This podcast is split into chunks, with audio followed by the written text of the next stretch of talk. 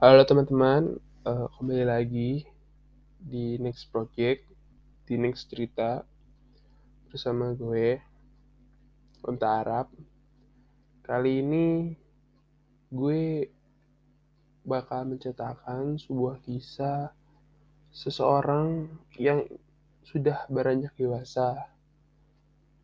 Seseorang dari peralihan dari anak kecil menjadi remaja itu sekitaran uh, bisa dibilang kita bilang tuh SMP kali ya karena di fase-fase itu ialah salah satu transisi perubahan kecil kita menuju dewasa gitu. Itu SMP apalagi kelas 1 adalah sebuah gerbang gerbang untuk kita menjadi lebih dewasa gitu. Ataupun gerbang untuk mempelajari hal-hal dewasa dan berpikir yang lebih realita maksudnya lebih jelas gitu lebih lebih reality gitu. Dibandingkan ketika kita SD sebenarnya pemikiran kita itu sederhana dan bisa dibilang pemikiran yang gampang gitu untuk dicerna untuk umur SD gitu. Ah, sebelum gue mulai cerita ini, hmm, sebelumnya gue minta maaf tuh. Sebenarnya ini bukan suara asli gue, soalnya agak mendem karena gue lagi uh, pilek juga gitu. Jadi semoga tidak merusak mood kalian untuk mendengarkan episode-episode gitu. cerita-cerita ini sampai akhirnya nanti gitu. Karena tiap episode beda orang di daerah gitu. Dan beda cerita juga gitu. Mungkin cara cerita gue bagi gue sendiri itu simpel. Uh, dan emang agak sedikit ceritanya tuh agak sedikit delay gitu. Karena jujur gue nggak pernah uh, buat ini tuh emang dari hati.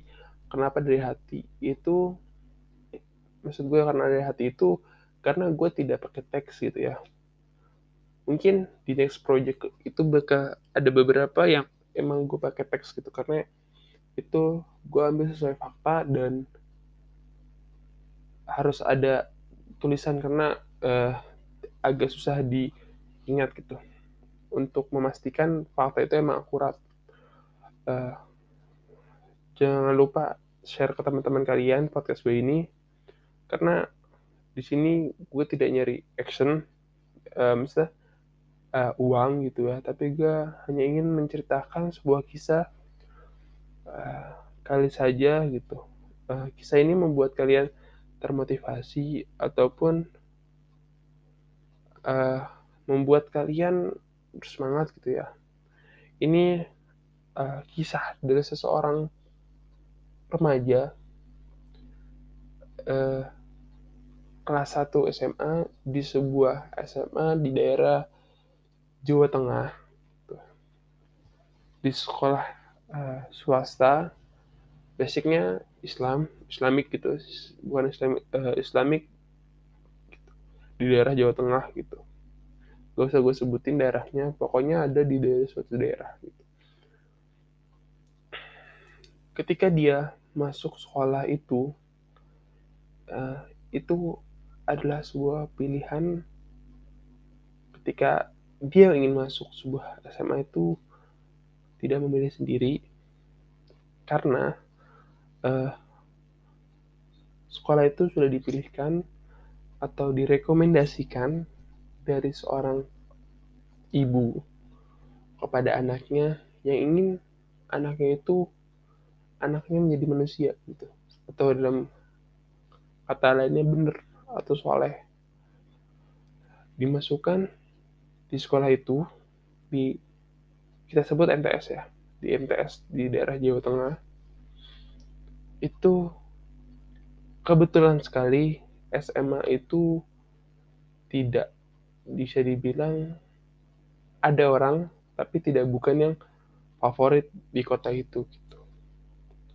MTS ini bisa dibilang ya pas-pasan lah ya muridnya cuma satu kelas dan lain-lain dan ini uh, cerita ini adalah cerita ketika prosesnya transisi dari siswa eh dari anak SD menjadi siswa ataupun jangan menjadi anak SD deh, siswa SD bertransisi menjadi siswa SMP. Ini bagi anak ini sebuah hal baru yang dia pikirkan bahwa saya bisa mendapat teman yang lebih banyak. Saya bisa lebih uh, bisa lebih mengasah skill saya, kepintaran saya di sekolah itu. Namun ketika dia masuk di hari pertama, masuk uh, eh, MTS tersebut, ternyata banyak sekali orang-orang yang memiliki sikap-sikap yang cenderung bagi anak ini tuh aneh gitu. Aneh dalam arti positif ya itu mereka memiliki cara atau metode-metode memperkenalkan diri dengan yang hal-hal yang anak ini menurut anak ini tuh aneh gitu seperti kita bisa bilang tuh sokap ada yang uh, deket-deket kenalan ada yang uh, welcome ada yang banyaklah hal gitu bagian ini tuh hal yang baru dan unik gitu. Hari pertama, hari kedua, hari ketiga, uh, dia jalankan di sekolah MTS ini dengan biasa-biasa saja gitu. Namun uh, berjalannya waktu ada sebuah statement atau ada sebuah uh, kesan gitu bahwa anak ini bisa dibilang mentalnya belum cukup kuat gitu karena ketika dipukul temannya dia nangis ketika dia diejek dia tidak nangis tapi uh, tekanan batin lah bisa dibilang. Namun ada statement-statement yang kayak dia dipukulin. Mungkin bagi anak yang memukulin itu atau hal biasa gitu. Tidak bagi anak ini gitu. Karena ketika di SD itu tidak ada namanya bullying dalam bentuk fisik gitu. Pukul-pukulannya pukul-pukulannya biasa aja gitu standarisasi standarisasi kan bisa standar anak-anak gitu. Pukulannya biasa aja. Namun ketika di SMP dia merasa ini tuh powerful banget gitu loh. Ini tuh sakit gitu. Gua aku aku nggak bisa diginiin gitu. Dan kayak dia nangis gitu. Dan ketika dia nangis tuh ya dia malah diketawain gitu. Bukannya malah ditolongin. Karena kebetulan sekali uh, di kelas itu laki-laki laki-laki satu kelas. Perempuan satu kelas gitu. Jadi uh, bisa diambil dia itu cengeng lah karena dia belum tahu caranya bersosialisasi supaya kita tidak direndahkan gitu. Pada akhirnya dia nangis gitu. Dan tidak ada yang membela gitu. hanya kayak beberapa teman aja gitu yang simpati kepada dia. Setelah hari itu uh, ya biasa aja lagi. Maksudnya berjalan dengan baik gitu. namun ada ketika ketika dia itu di sekolah uh, dia ledek itu berantem. Dan dia nangis eh, nangis nangisnya hingga ketika uh, guru itu seorang ibu guru gitu uh, menenangkannya namun dia malah terus menangis dan memberontak gitu hingga tidak sengaja uh, mengenai uh, guru itu tersebut gitu. ketika hari itu pembullying misalnya bully pada anak ini tuh semakin banyak gitu. Dan itu ketika orang yang memukulinya bisa dibilang memukulinya itu merasa ya itu biasa aja gitu. Dan gue juga anak pinter gitu. Dan gue juga ya bisa bilang rendahkannya lah gitu. Habis itu lambat laun ketika anak ini di depan gitu bersama guru gitu. Menyetorkan sebuah hafalannya gitu. Dan digodain dan dipukul pun anak ini nangis gitu. dan guru ini menasihati gitu kepada anak yang memukuli. Bahwasanya bagi kamu itu pukulan itu biasa saja gitu. Tapi tidak bagi anak ini. Mungkin pukulan bagi anak ini tuh tidak sekeras yang kamu pukulkan ke anak tersebut gitu. Jadi dan anak yang memukul memukul ini memberikan alibi bahwa itu doang kok sakit pak. Kan badannya gede gitu. Namun standarisasi ataupun kekuatan fisik anak ini tuh beda dengan kekuatan kamu gitu. Dan pada akhirnya uh, lambat laun anak ini pun udah mulai terbiasa gitu. Dan dia memiliki teman cuman itu itu aja gitu. Circle cuman beberapa orang doang gitu di kelas itu. Dan dia menemukan hal-hal baru gitu. Kayak menemukan teman kalau bisa dibilang bandel gitu. Uh, melihat temannya uh, merokok di kelas gitu. Dan melakukan hal-hal negatif lainnya gitu. Ada beberapa kejadian yang bisa nggak bisa uh, saya jelaskan gitu ya. Dan lambat laun dia pun mulai terbiasa gitu. Ya contoh kayak ketika ujian gitu. Contek-contekan itu udah menjadi rutinitas di situ gitu.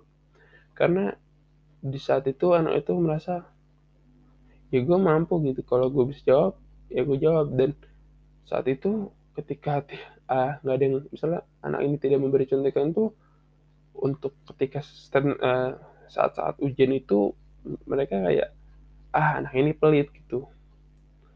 Dan uh, anak ini juga berusaha gitu.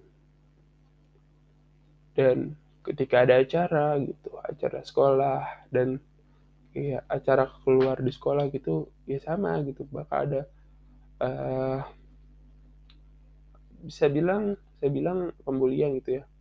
Punya saudara kayak nggak entah fisik entah mulut gitu. Dan ketika dia naik kelas 2 gitu uh, dengan kondisi yang sama gitu. Walaupun lebih membaik karena udah uh, anak ini mulai bisa bersosialisasi dengan baik gitu. Udah memiliki banyak teman daripada ketika awal-awal dia masuk SMA gitu. Eh masuk SMP sorry. Dan naik di kelas 2 gitu. Uh, dia itu sama kakak kelas bisa dibilang direndahkan gitu. Waktu itu ada sebuah acara LDK gitu anak ini tuh dalam hatinya ingin mengikuti gitu.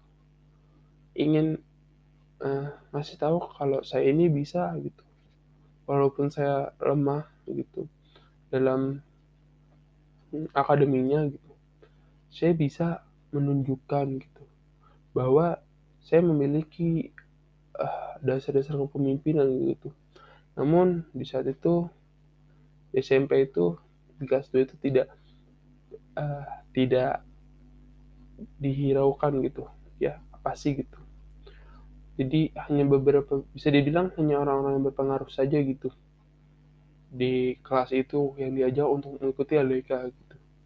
Dan masuk di organisasi OSIS. Setelah itu uh, ternyata banyak kejadian-kejadian dan banyak anak ini dapat mendapatkan teman-teman baru gitu dari teman-teman yang emang dulu kelas satunya itu uh, bisa dibilang ada kastanya gitu ya di uh, ada circle-circle tertentunya gitu. Cuman kita kelas 2 itu dia diajak ke circle yang lebih bisa dibilang itu ya atasan-atasannya lah. Itu ya mulai bercampur uh, dan berbaur dengan semua teman-teman di kelas gitu setelah itu uh, kita cepatkan aja ceritanya gitu. Karena uh, saya uh, cerita ini di kelas 2 ini tidak terlalu banyak yang bisa diambil gitu ya biasa-biasa aja gitu. Habis itu oh ya sebelum saya naik ke kelas 3 itu ada cerita uh, wali kelasnya ini mengajak anak-anaknya itu uh, berlibur melibur sih uh, bisa dibilang berlibur gitu ya ke rumah uh, wali kelasnya gitu. Di daerah Jawa Tengah juga. Itu berlibur sekitar saat dua hari dua hari satu malam. Dan diketuai oleh uh, temannya gitu.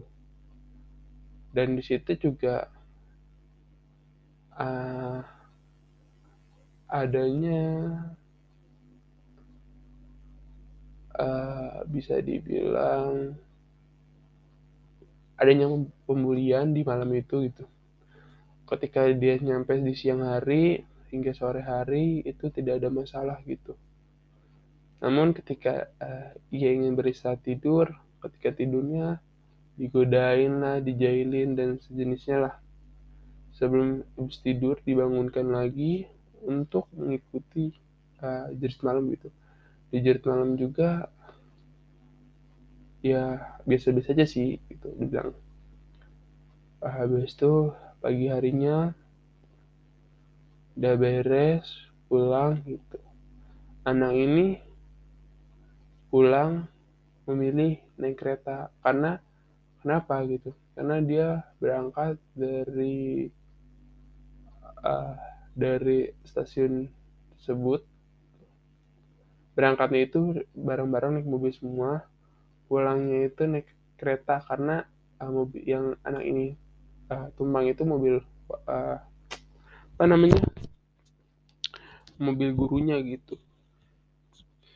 Habis itu anak ini pulang naik kereta pulang sampai rumah dan dia tidak pernah menceritakan hal apa saja yang terjadi kepada orang tuanya gitu. Jadinya dia pendam sendirilah dalam hatinya gitu. Dan dia merasa yang sudah berlalu ya berlalu lah gitu. Udah itu udah dia sekolah gitu. Dia belajar dengan normal. Uh, gue cepetin ya ceritanya itu. Udah tidak ada kejadian lagi yang penting gitu. Terus itu dia naiklah kelas 3 di kelas 3 ini ada lagi uh, LDK gitu untuk kayak menentukan siapa nih yang jadi urusan ketua dan sejenisnya dan jajaran-jajarannya. Anak ini ingin sekali mengikuti organisasi gitu. Namun ketika dia tanya-tanya, wah jangan emang uh, lu sanggup, lu kuat dan lain-lain emang boleh gitu. Namun hanya uh, penolakan, penolakan, saja gitu namun pada akhirnya anak itu tetap memaksa dan ditaruh di bagian kebersihan. Tapi uh, kebersihan gitu. Dan udah dipilih menjabat tuh. Namun di saat itu uh, anak ini tetap masih diragukan ke uh, dari teman-teman itu meragukan bisa kerja nggak bisa kerja nggak gitu uh, akhirnya udah berjabat udah disumpah gitu. Lambat laun anak itu mengikuti sebuah acara gitu. Anak ini tuh lebih aktif di dalam sebagai eksekutor gitu. Ketika acara dia aktif banget tapi ketika rapat-rapat dia biasa saja gitu. Dan pada akhirnya anak ini pun berujung dengan eh lu siapa gitu kasar lu siapa gitu? Emang lu apaan gitu? Hanya sebagai kayak uh, dibilang anak bisa dibilang anak bawang gitu. Tidak mendapat job-job yang benar gitu. Pada akhirnya ketika itu uh, dia dia dia tidak tidak ikut disertakan jadi seolah-olah tidak menjadi uh, panitia gitu. Padahal sebenarnya dia seharusnya dia ada gitu. Tapi tidak diikut sertakan. Dan pada akhir acara itu dia ada sebagai kayak nemenin temennya aja gitu. Dan untuk langsung acara beres sampai beres gitu. Dan ketika itu setiap ada acara itu di saat SMP itu dia tidak bisa dihargakan gitu. Maksudnya ya lo bersih bersih gitu tidak pernah ada yang posisi yang benar gitu. Habis itu sudahlah masa jabatan itu dicopot udah beres udah lulus gitu. Dan cerita ini pun ikut tamat gitu. Jadi bisa saya simpulkan gitu dari cerita tersebut bahwa transisi anak siswa SD ke siswa SMP itu emang jauh ya jauh dalam arti standarisasi di SD lamanya dengan teman-teman SMP-nya memiliki standarisasi yang berbeda-beda gitu. Mungkin dulu di SD-nya ada yang kasar, ada yang tegas, ada yang biasa aja, dan ada yang cenderung lembut gitu. Uh, dengan itu, ketika dia uh, menjalankan transisi dari SD ke SMP itu cenderung kaget gitu. Bisa dibilang kaget lah. Jadi ini saya tidak tahu gitu ya yang salah itu. Anak ini lingkungannya atau sekolahnya gitu tidak bisa mengontrol uh, banget gitu Selanjutnya, dari cerita ini saya tidak suka kepada orang-orang yang uh, lihat seseorang itu dari perilakunya gitu. Nah, nah, maksudnya seperti ini. Mungkin ketika ada seseorang yang perilakunya bercanda mulu dan dapat nilai jelek gitu, dan dia langsung ngejudge bahwa anak ini ah nggak mungkin lah bisa ikut organisasi ataupun tidak bisa ikut mengikuti sebuah latihan kependidikan gitu. Latihan ke pendidikan dasar kepemimpinan gitu ya. Karena saya tahu gitu anak itu emang uh, maksudnya saya, uh, tahu kalau anak ini pasti bisa melakukannya tapi tidak ada kesempatan gitu bagi dia untuk menunjukkan bahwa dia bisa gitu dan saya juga di cerita ini cukup kecewa gitu kepada teman-temannya gitu. Karena merendahkan dia ketika ada acara di kepenitian tidak pernah diajak gitu. Dan ya walaupun kebersihan dianggap sebelah mata gitu. Uh, sama di situ sih uh, fungsi guru pengawas osis itu bagi saya tidak ada gitu. Mungkin karena saya tidak tahu gitu ya anak itu pemalu atau gimana karena ini sebuah cerita gitu ya. Uh, dia tidak pernah berani berbicara dalam di sebuah forum gitu. Jadi mungkin gitu ya anak ini tuh dia tidak berani speak up karena takut pendapatnya tidak diterima gitu.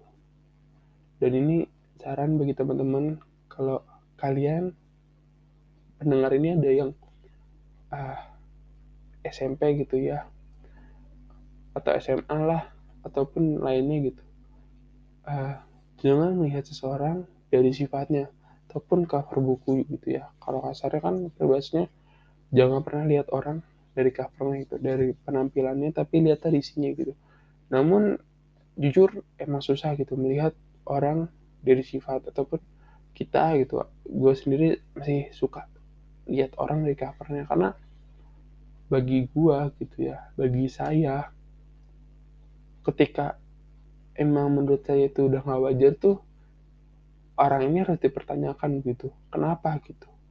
Karena ketika kalian di jenjang yang ya di jenjang saya gitu mahasiswa itu saya ada organisator. Ya walaupun enggak pengalaman saya tidak sebanyak orang-orang itu tapi saya ingin gitu, ketika punya rekan-rekan itu yang serius gitu dia jauh serius bisa dia bercanda bisa gitu. Tidak hanya serius doang bisa bercanda nggak bisa gitu. Karena uh, kita sebagai organisator juga di dalam uh, organisasi butuh orang yang bisa ngelawak gitu. Kenapa gitu karena banyak acara itu bakal riuh gitu bakal apa ya ya bakal terus stres lah butuh orang-orang seperti itu untuk mendukung. Namun namun ketika orang ini bisa diajak serius ya serius gitu. Itu aja dari saya gitu. Jangan pernah merendahkan orang bisa maaf ya orang yang emang uh, kelihatannya bisa bilang bodoh lah gitu kasarnya. Jangan pernah mengejudge kalau dia tidak bisa berbuatnya di non akademik gitu jadi uh, hargai gitu.